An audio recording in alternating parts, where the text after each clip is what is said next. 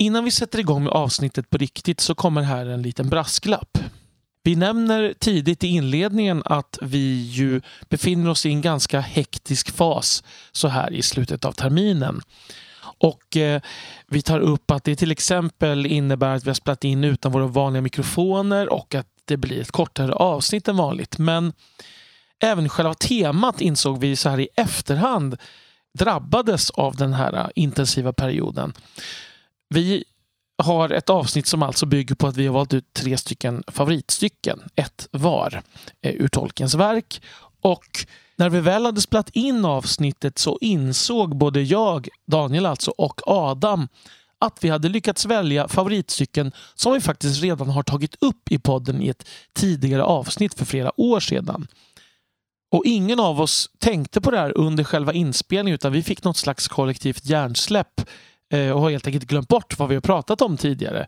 Och det här är någonting som vi helt enkelt insåg först i efterhand. Tyvärr så har vi inte längre tid att spela in ett nytt avsnitt. Så kära lyssnare, vi hoppas att ni kan hålla till godo med detta avsnitt ändå och att ni har överseende med våra uttröttade hjärnor så här i Eh, slutet av vårterminen som är intensiv för oss alla tre. Så ni får njuta av två stycken diskussioner då om stycken som vi redan har avhandlat och sen en diskussion om Elisabeths stycke, för Elisabeth lyckades välja ett helt nytt stycke. Med det sagt så hoppas vi alltså att ni ändå får nöja över det här avsnittet.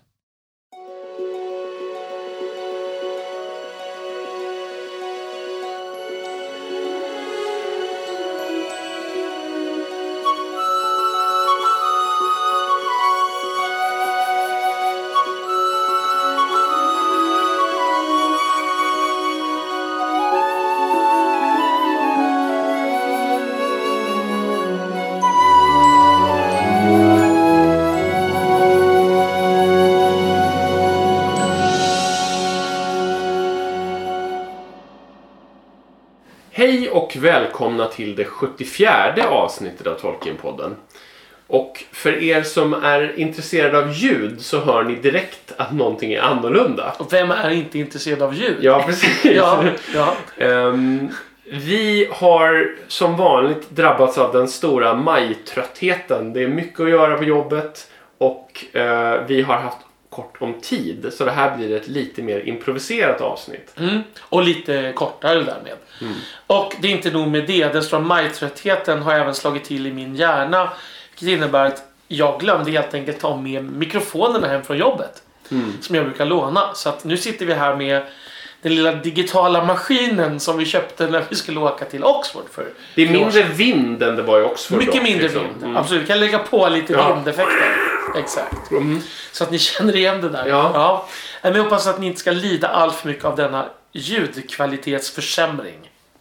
Det får vi hoppas. Och vi som hoppas detta Mm. är alltså Adam, Elisabeth. Och Daniel. precis som vanligt. Föga förvånande. Mm. Eh, och ämnet för dagen är eh, en liten uppföljning av de favoritstycken som vi gjorde för ganska många avsnitt sedan. Eh, vi har valt ett stycke var som vi tänker presentera och prata lite om. Men innan dess så går vi in på ett liten, lite kortare variant av de tips som vi brukar göra. Där vi ska ge varsitt lite tips om sommaren som kommer och vad vi har tänkt göra kanske. Och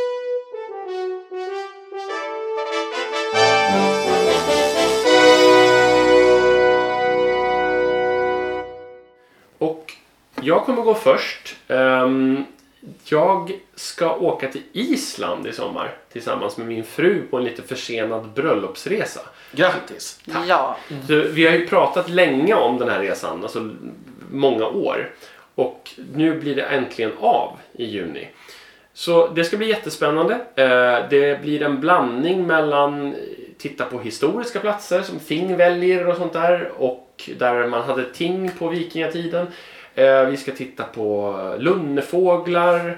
Eh, Vi ska titta på den speciella naturen med såna här svarta stränder och speciell, eh, speciella små björkskogar och sånt där. Och så ska vi gå på en matvandring i Reykjavik. Mm. Testa olika lokala specialiteter. Låter magiskt. Ja. Blir det surhaj och såna här saker? Eh, eh, Hakarl tror jag Ja, det heter. ja. Eh, Jag vet inte om det in. Jag tror inte att det ingår. Nej. Jag tror inte att Sandibel skulle eh, äta det. Men Nej. jag skulle ju garanterat Såklart. kasta mig över det och testa. Eh, Jag gillar ju surströmming så att Mm, det, ja. mm. Jag vet inte, det känns kanske också, jag vet inte Jag vet inte hur det är med hajar, om de är fridlysta eller hur det är. Jag vet inte hur mycket hajar Alltså det jag äts. tror fortfarande att det äts. Mm. Jag, tycker, jag tycker med minnas folk som jag känner som har varit där för inte så länge sedan som har testat det. Så jag Okej. tror att det fortfarande är någonting man äter. Mm. Men så vi ska dit. Det blir, det blir inte så långt. Det är ju väldigt, väldigt dyrt på Island. Så det blir ju ingen jättelång resa. Men eh, det ska bli jättespännande. Vi har planerat ganska mycket över exakt vad vi ska se och sådär. Så det känns som vi hinner med väldigt mycket på dem, den knappa vecka vi är där. Mm. Låter Det låter verkligen superhärligt. Och ni, om jag inte minns fel så fick jag ju en guidebok till Island av er Jajamän. i bröllopspresent. Du? Ja, Så att den ska vi ju med. Och, ja. eh, Du kände dig tvungen att åka till Island. Ja, just det. Precis. Ja. Det var de, som, det var de här som styrde Ja, resvalet. Ni hade velat åka till Karibien Ja, men det precis. Island. Ja. Men jag, vill bara, jag har ju varit på Island eh, en gång på körresa och det är ju fantastiskt. Så att jag, jag eh, mm, ni kommer få det underbart. Ja, men det, tack så mycket och det tror jag verkligen. Mm. Det finns ju någonting lite Tolkien-magiskt över Mm. Island på något sätt. Mm. Ja. Ja men precis. Och jag har inte varit där så jag ser fram emot att få höra mer om det sen efter. Och Mm. Förhoppningsvis så kommer vi ihåg att ta... Den andra parten på resan är bättre än jag på att ta bilder, så då kommer det kanske en del. Just Ja. Mm. Just det. Ja, det Vi, vi kommer att skicka så här meddelande till dig så att det inte ser ut som att du är på en ensam resa där. Utan att du fotar åt andra hållet också ibland. Ja. Precis. Mm. Precis. Ja, så det var mitt tips. Bra Island. tips. Mm. Island är ett bra tips. tips som ett helt land. ja, ja. Eh, mitt tips, det, ja, det, det blir ju egentligen inte riktigt tips. Utan det kanske snarare blir som ett litet tips om någonting som jag säkert kommer ta upp igen. Och har pratat om också. Det är eh, Sven-Erik Johansson, eh, den svenska tonsättaren. Hans opera Sagan om ringen som ju skrevs eh, alltså den, den blev klar tror jag början på 70-talet om jag nu minns rätt. Och Sven-Erik Johansson är liksom en av 1900-talets stora svenska kompositörer. En excentrisk person som ser ut som Salvador Dalí ungefär. Ehm, en färgstark figur. Och han skrev alltså en opera men den framfördes aldrig och som, som åtminstone berättelsen här så var det ju för att det av upphovsrättsliga skäl.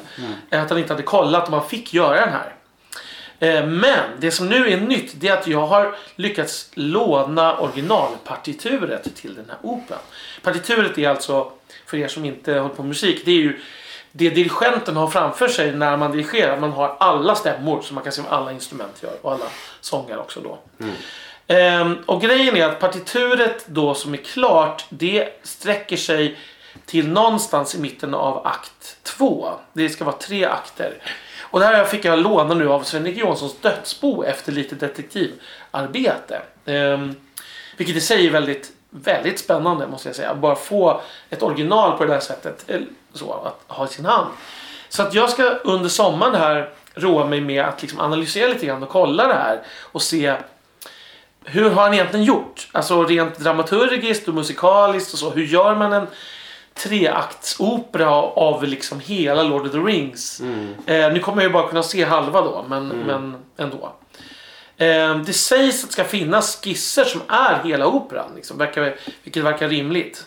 Eftersom partituret är liksom väldigt prydligt skrivet. Så. Mm. Men de har jag inte lyckats då, alltså dödsboet har inte hittat dem. Så de kan vara borta för alltid eller så gömmer de sig någonstans.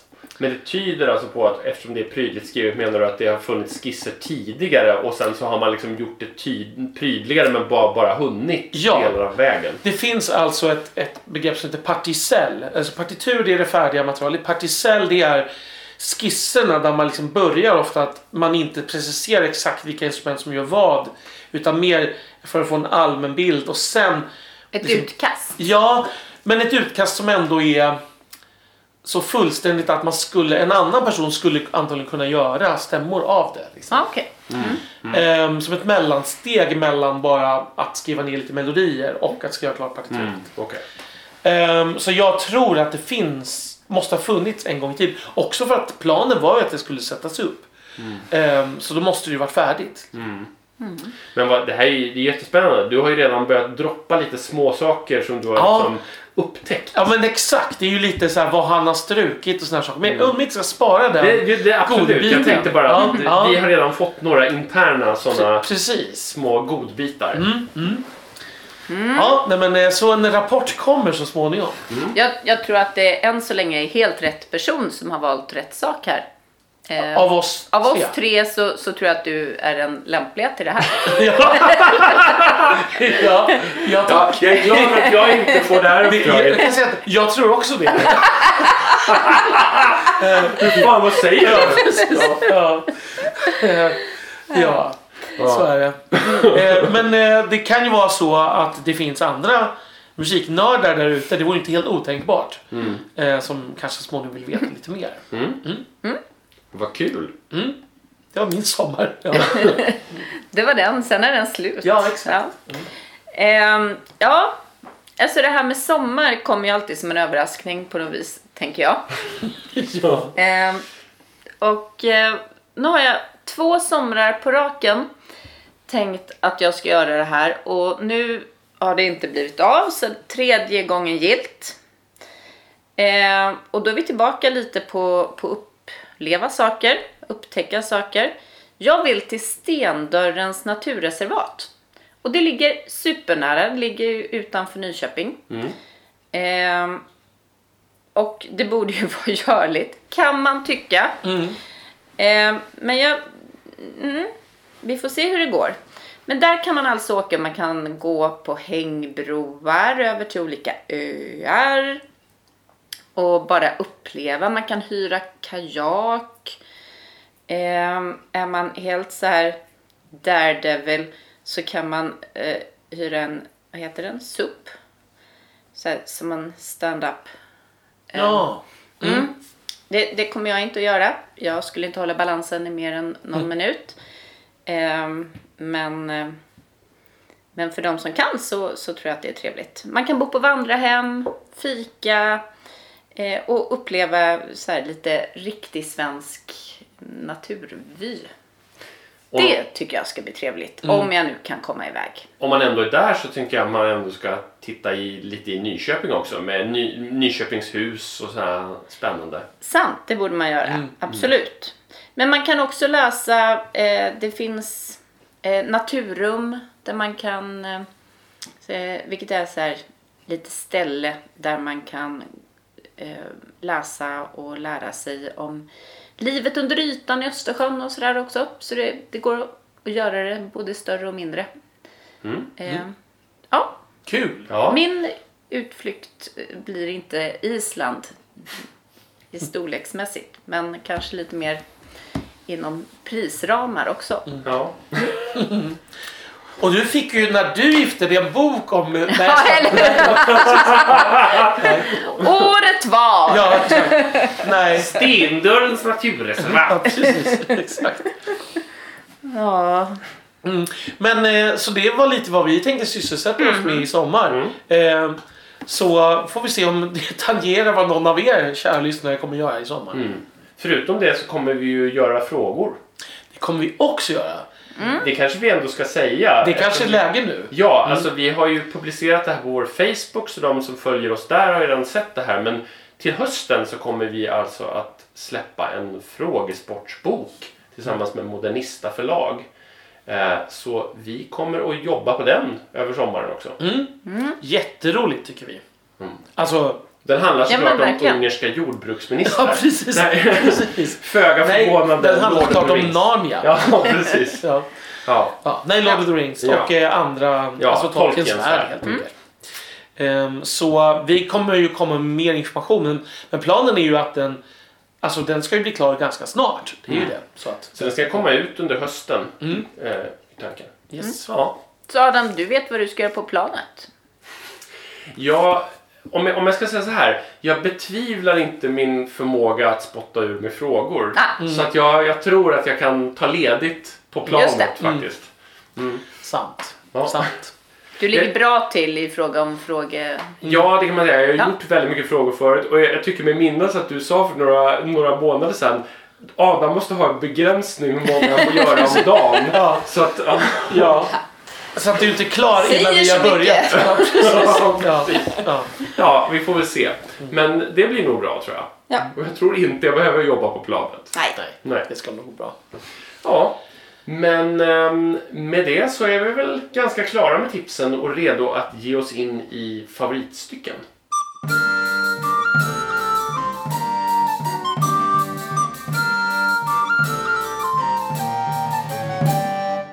Nej men vi hade ju i uppdrag att välja varsitt stycke och eh, efter mycket hattande fram och tillbaka det, det finns ju så många ställen som man tycker om i de här böckerna. Vad konstigt. Ja, eller hur? Ja. Det är så märkligt. Eh, så var det så att jag landade på något som kanske känns hyggligt centralt i åtminstone en del av hans verk. Eh, det vill säga beskrivningen om ringen, eller ringarna. Det är ju ganska centralt. Det är hyggligt centralt. Ja. Det får man Det, är ett tema som kommer tillbaka. Ja, exakt. Ja. Mm, så jag tänkte jag skulle ring, eh, ringa. Jag tänkte jag skulle läsa. Eh, Du ska ringa in. Ja, men precis. Badabam, bam. Ja, helt Ja. okej tycker jag. Ja, ja. eh, och då är det så att Gandalf och Frodo de har suttit och pratat på kvällen. Gandalf vill inte berätta. Utan han säger det här är sånt som man måste prata om när det är dag. Och det är där lite vi kommer in. Ehm, Last night you began to tell me strange things about my ring, Gandalf, he said. And then you stopped because you said that such matters were best left until daylight. Don't you think you had better finish now? You say the ring is dangerous, far more dangerous than I guess. In what way? In many ways, answered the wizard. It is far more powerful than I ever dared to think at first. So powerful that in the end it would utterly overcome anyone of mortal race who possessed it. It would possess him. In Eregion, long ago, many elven rings were made, magic rings, as you call them.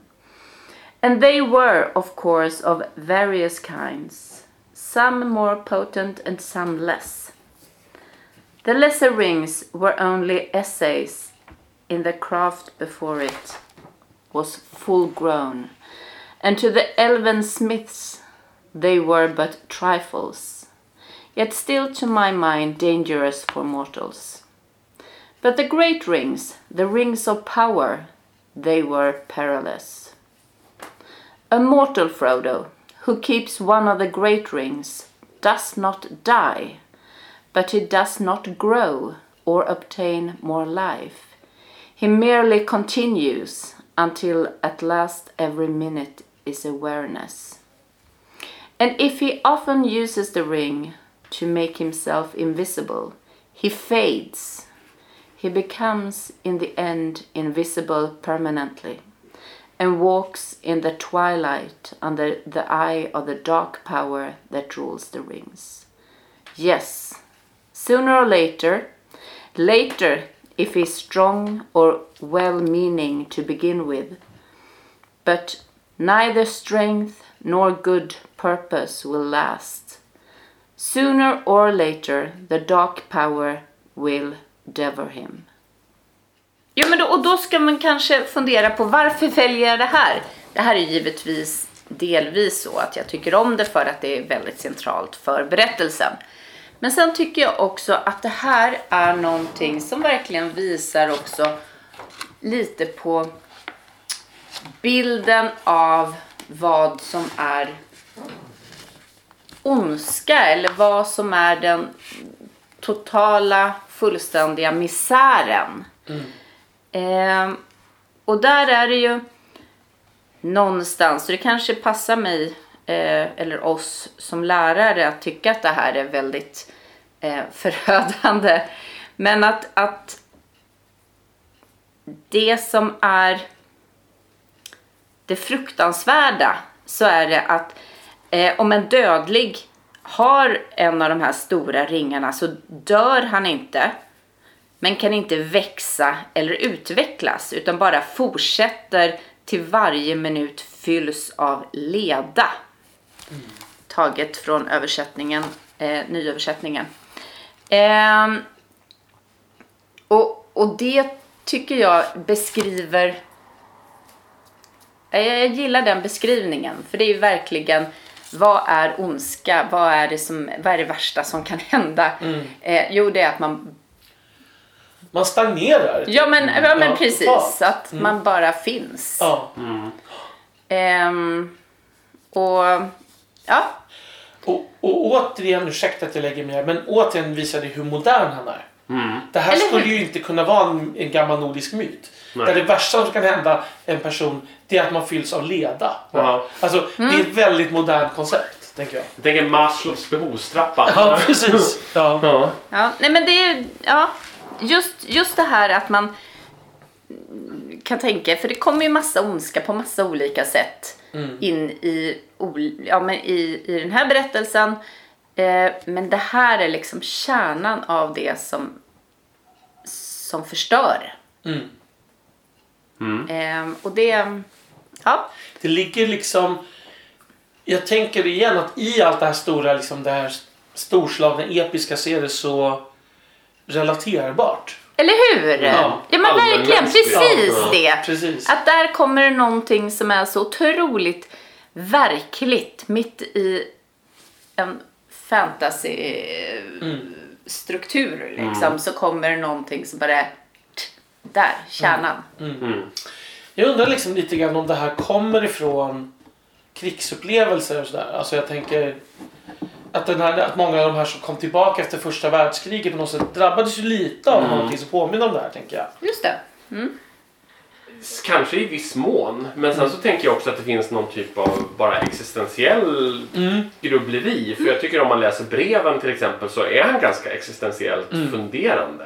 Och har en massa långa råd till Christopher om hur man ska tänka kring livet och tillvaron och allt sådär. Liksom. Så jag tror att det fanns sådana tankar som Absolut. var oberoende av kriget också. Precis. Och, och kanske delvis gick hand i hand med upplevelserna där också. Alltså att det liksom förstärkte drag redan som fanns. Ja, och man, kan, man får ändå bilden tycker jag att han mer i så fall kanske har sett det hos andra. För han själv verkar Ja, inte absolut. blivit märkt på det sättet. Nej, nej men precis. Nej, men det tänker jag också. Ehm, mm. För det finns ju någonting i Frodo i slutet av berättelsen, trots att han då faktiskt har gett upp ringen, som ändå lite grann att det är det här han känner. Ju. Mm. Ja men precis, det är det som gör att han till slut måste åka Mm. därifrån. För att han är för skadad. För att han kan liksom inte... Ja. Han lever inte riktigt liksom. Nej. Ja, det är ett jättebra stycke. Alltså det är ju, det är ju väldigt, det är väldigt, det är väldigt bra det här. Det är en bra bok. Men, men det är också intressant för det är ju lite grann det där stycket eller inte det där stycket specifikt, men det, det där stycket och det som kom precis innan där Tolkien börjar svänga från The Hobbit in Ja. i det nya. Därför att allt innan det är lite mer småputtrigt och hänger ihop närmare vad han har skrivit innan. Så det Ja. känns som att här väljer han ju en, en väg som tar honom bort från, från det han har skrivit tidigare lite grann. Och då kan jag också säga att en av de val jag gjorde, eh, det var faktiskt att jag lite funderade ett tag på att läsa från prologen. För att det så ännu mer knyter mellan The Hobbit och, och Lord of the Rings. Eh, på, på ett sätt som egentligen inte borde vara görbart. Men det är precis som du säger, att här tar han steget fullt ut. Visserligen om man nu ska nyansera det lite så är det ju så att han tar ju steget fullt ut. Fast han gjorde ju inte det från början. Nej, nej. Utan det är ju en omskri- han skrev ju om det här. Självklart. Men jag bara menar att liksom här i, I som läsaren Ja, möter det så är det första gången som det Verkligen. börjar bli mer vuxet och allvarligt och sådär stor, storslaget. Mm, och inte bara att det är, åh, det är lite spännande Nej. utan liksom det är, ja precis, det, man går in i den här liksom, ble, liksom lite blekare, Mm. alltså mer nyanserade ondskan också. Inte bara att det En är drake, en som kan Nej, äta upp en. Nej, exakt. Ja. Mm. Mm. Mm. Ja, Ja, jättebra. Jag måste, Ja. Bra bok som sagt. Jag ska läsa den igen. precis. Ja. Ja. Det blir kanske också ett sommarprojekt. Mm. Funderar jag på. Mm. Att läsa om igen. Alla. Jag håller på och lyssnar om. Mm.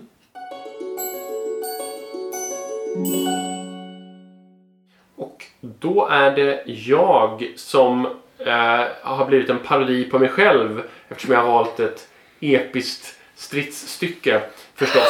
Eh, jag, jag försökte liksom specifikt att leta efter annat men sen så kände jag liksom att det här har jag citerat så många gånger och det har inte kommit med och så här. Så jag kunde inte vara sann mot mig själv och inte välja det här stycket. Ehm, Jag tycker du ska vara sann mot dig själv. ja, Ja, Precis.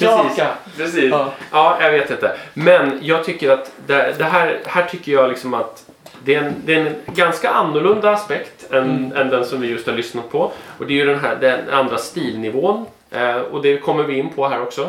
Men jag- för, för, jag ska ge lite bakgrund här bara vad som händer. Det här är ju också en, som en del av Nirnaith Anoidia, det femte slaget i Belerians krig. Där alverna och människorna har allierat sig för att eh, försöka besegra ondskan en gång för alla. Men vid det här laget så har det redan gått åt skogen fullständigt. De har blivit förrådda och, och ondskan har vunnit.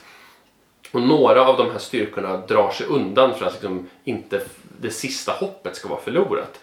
Och då har eh, människofurstarna Horin och Hor, två bröder, övertalat alvkungen Torgon att han ska eh, lämna slagfältet och eh, liksom att hoppet ska leva i Gondolin. Och de ska eh, dölja hans reträtt genom ett last stand. Eh, så. Eh, så det är det som eh, slutet på slaget här, alltså som, som vi hör här. So it was that Turgon fought his way southward until coming behind the guard of Hurin and Huor, he passed down Sirion and escaped. And he vanished into the mountains and was hidden from the eyes of Morgoth. But the brothers drew the remnant of the men of the house of Hador about them, and foot by foot they withdrew until they came behind the fen of Serech and had the stream of Rivil before them. There they stood and gave way no more. Then all the hosts of Angband swarmed against them, and they bridged the stream with their dead, and encircled the remnant of Hithlum as a gathering tide about a rock.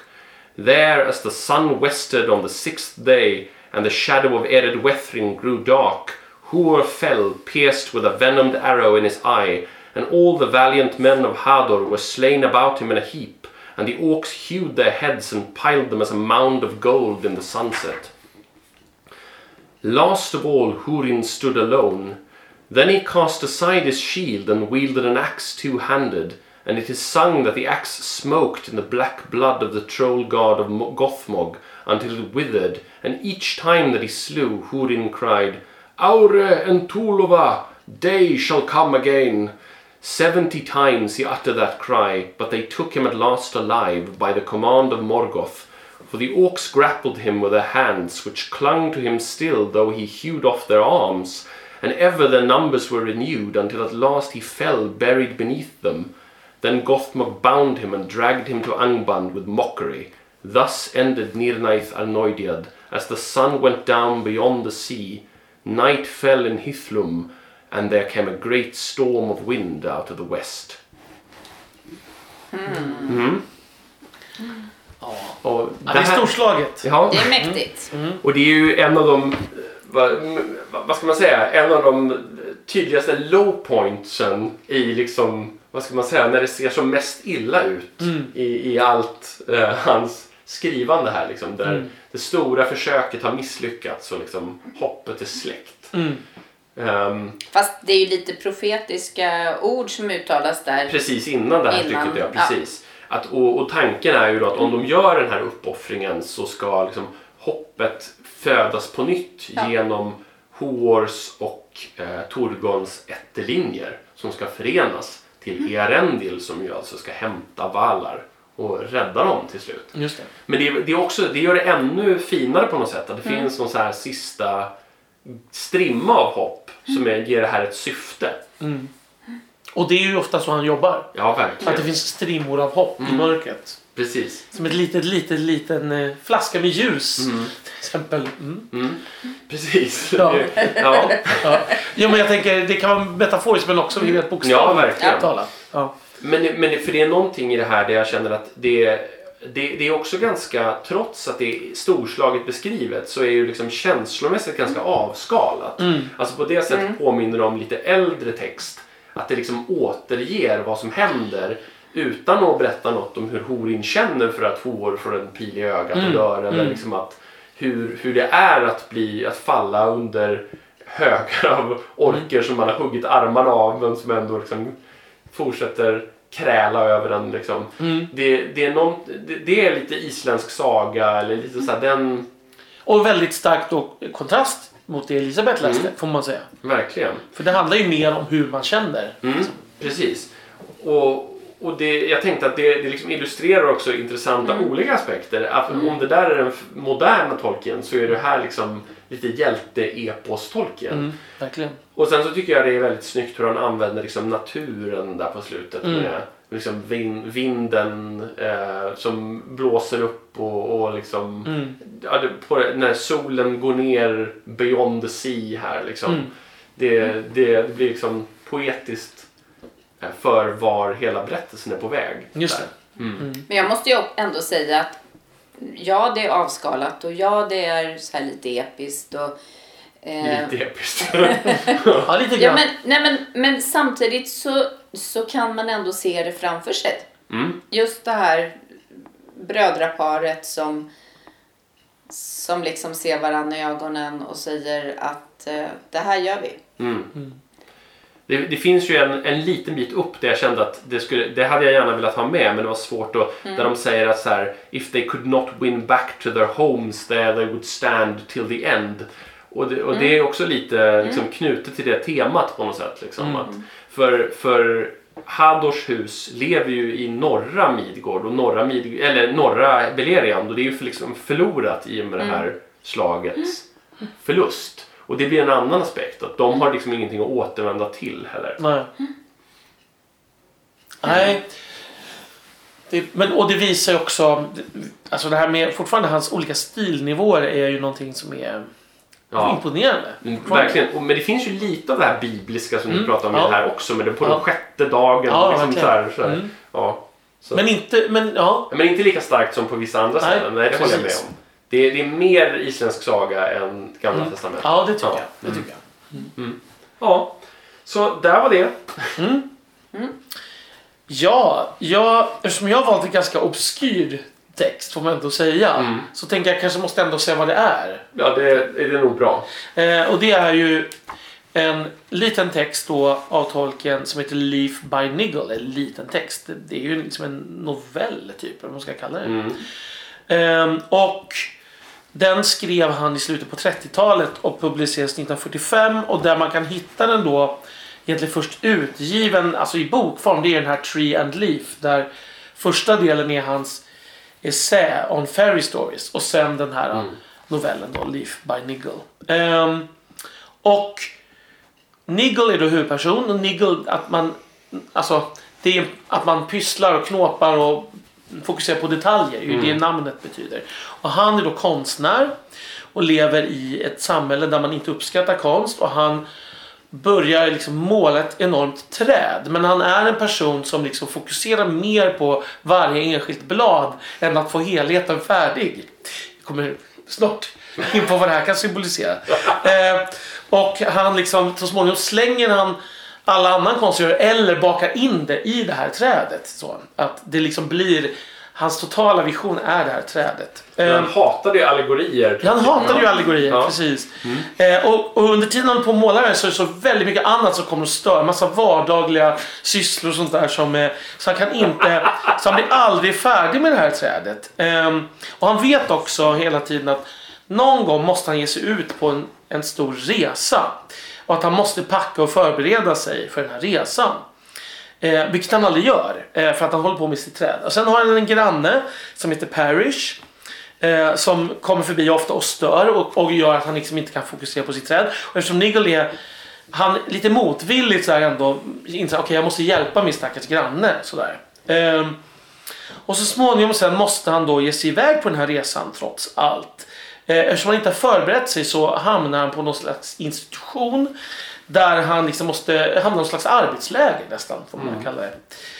Eh, och hans tavla då med det här trädet är liksom går helt i, alltså hemma i hans bostad. Det- Den, den försvinner och delas upp och förstörs. Förutom då ett enda litet blad. Och där titeln på den här eh, novellen då, Leaf by Nigel. Men Nigel själv han eh, blir fri från den här institutionen och skickas iväg eh, kan man säga med ett tåg om jag inte minns fel. Och hamnar då på en plats. Och det är där vi kommer in. Han eh, eh, har precis gått av det här tåget och där står en liten cykel. Nigel pushed open the gate, jumped on the bicycle and went bowling downhill in the spring sunshine. Before long he found that the path on which he had started had disappeared and the bicycle was rolling along over a marvellous turf. It was green and close, and yet he could see every blade distinctly. He seemed to remember having seen or dreamed of that sweep of grass somewhere or other. The curves of the land were familiar somehow. Yes, the ground was becoming level as it should, and now, of course, it was beginning to rise again. A great green shadow came between him and the sun. Nigel looked up and fell off his bicycle. Before him stood the tree, his tree, finished. If you could say that of a tree that was alive, its leaves opening, its branches growing and bending in the wind that Nigel had so often felt or guessed and had so often failed to catch. He gazed at the tree and slowly he lifted his arms and opened them wide. It's a gift, he said. He was referring to his art and also to the result, but he was using the word quite literally. He went on looking at the tree. All the leaves he had ever labored at were there as he had imagined them rather than as he had made them.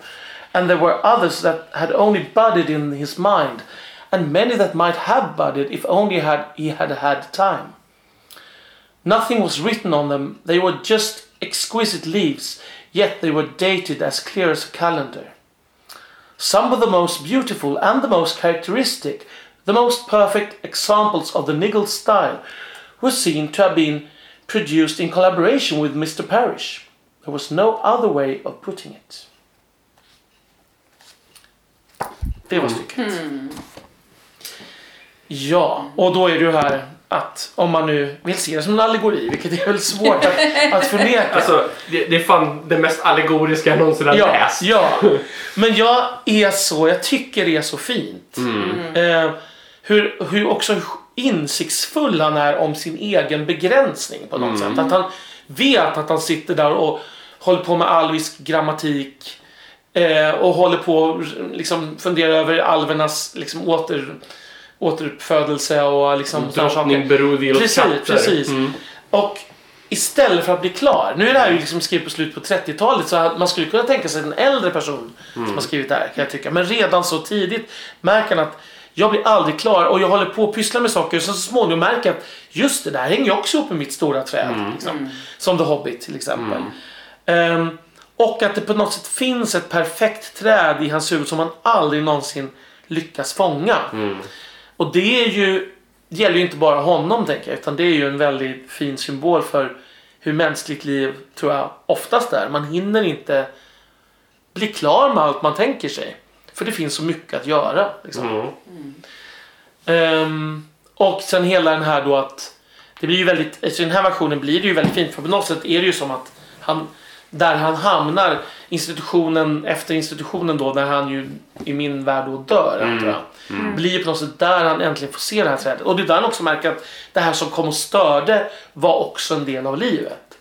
Det här stora trädet. Och det vävdes in. Ja, exakt. Att det, och det ingår liksom i... i Mm. Och det, det här blir ju intressant att koppla till Tolkiens eh, tanke om subkreatorn och sådär Mm, också. För det, blir som att det här faktiskt finns så blir det en del av världsalltet. Även Mm. om det möjligen är efter döden. Sådär, Mm. liksom. Eftersom om det finns i hans fantasi så finns det också i en subskapelse. Mm, Liksom. mm, verkligen. Mm. Ja, det... Kanske att till och med han skulle erkänna att det här var en allegori. Ja, han Ja. har väl till och med nästan Ja. gjort det faktiskt. Ehm, Absolut. det, och det är intressant tycker jag, för samtidigt känns också så personligt. Det är inte bara en allegori. Jag ska- Generellt över livet, en, en män, människas liv, utan det här är ju hans. Ja, Mm. exakt. Men det blir också allmängiltigt. Alltså jag kan ju känna igen mig i det här. Mm. Ehm, Men jag tror att det, det är ju otroligt, det är få människor som stämmer in så bra på det här som han gjorde. Mm. Alltså det är ju det är få som var exakt så niggly ja, alltså, precis. som han. Ja, Eh, med just det alla de här små detaljerna och Mm. också hur stor den här helhetsvisionen också var. mm, ja, verkligen. Verkligen. Men jag tror också att man kan ju se visionen, trädet, alltså både som en bild av det, det, den värld han försökte skapa. Men också av livet. av hela Ja, livet. ja. Liksom, att det, Precis. livet består av alla de här bladen så man, man, man ser inte helheten liksom, för Mm. alla blad. Liksom.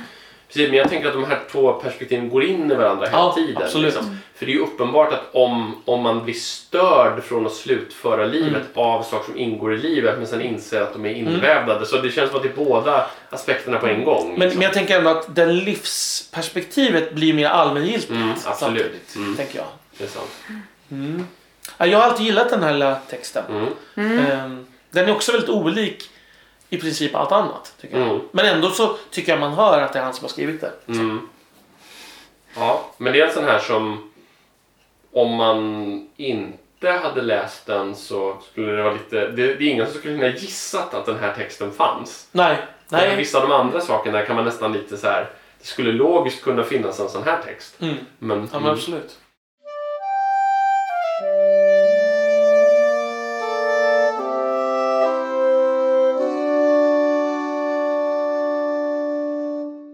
Tror jag att vi sätter punkt för den här gången. Och återigen så får vi säga det att det har varit en... eh, Det är en ganska tuff period här nu. Mm. Eh, särskilt för Daniel som har otroligt mycket eh, i- Ja, vi har alla mycket, men det är många, det är ju mycket konserter och sånt Ja, där. I nej, min, men, i min och det gör ju just maj väldigt, väldigt tufft. Maj blir väldigt mycket. Ja.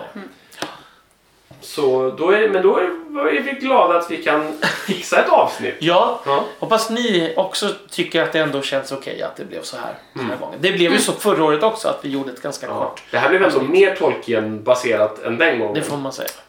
Absolut. Mm. Men vi hoppas att vi kommer med ett fullängdsavsnitt nästa gång. Det ska vi nog klara av. Mm. Mm. Ja, men då tackar vi så mycket för att ni har lyssnat. Ja. Om ni har några inspel kring det här så får ni som vanligt gärna vända er till oss på tolkienpodden.gmail.com eller skriva till oss på Facebook. Eller ehm, hitta någon annan väg. Twitter tittar vi inte på så ofta, Nej. som sagt. Men, Men jag hoppas ni också får en väldigt fin början på sommaren nu som Mm. ju faktiskt sätter igång på riktigt. Här. verkligen. Midsommar och allting är det innan vi hörs nästa gång.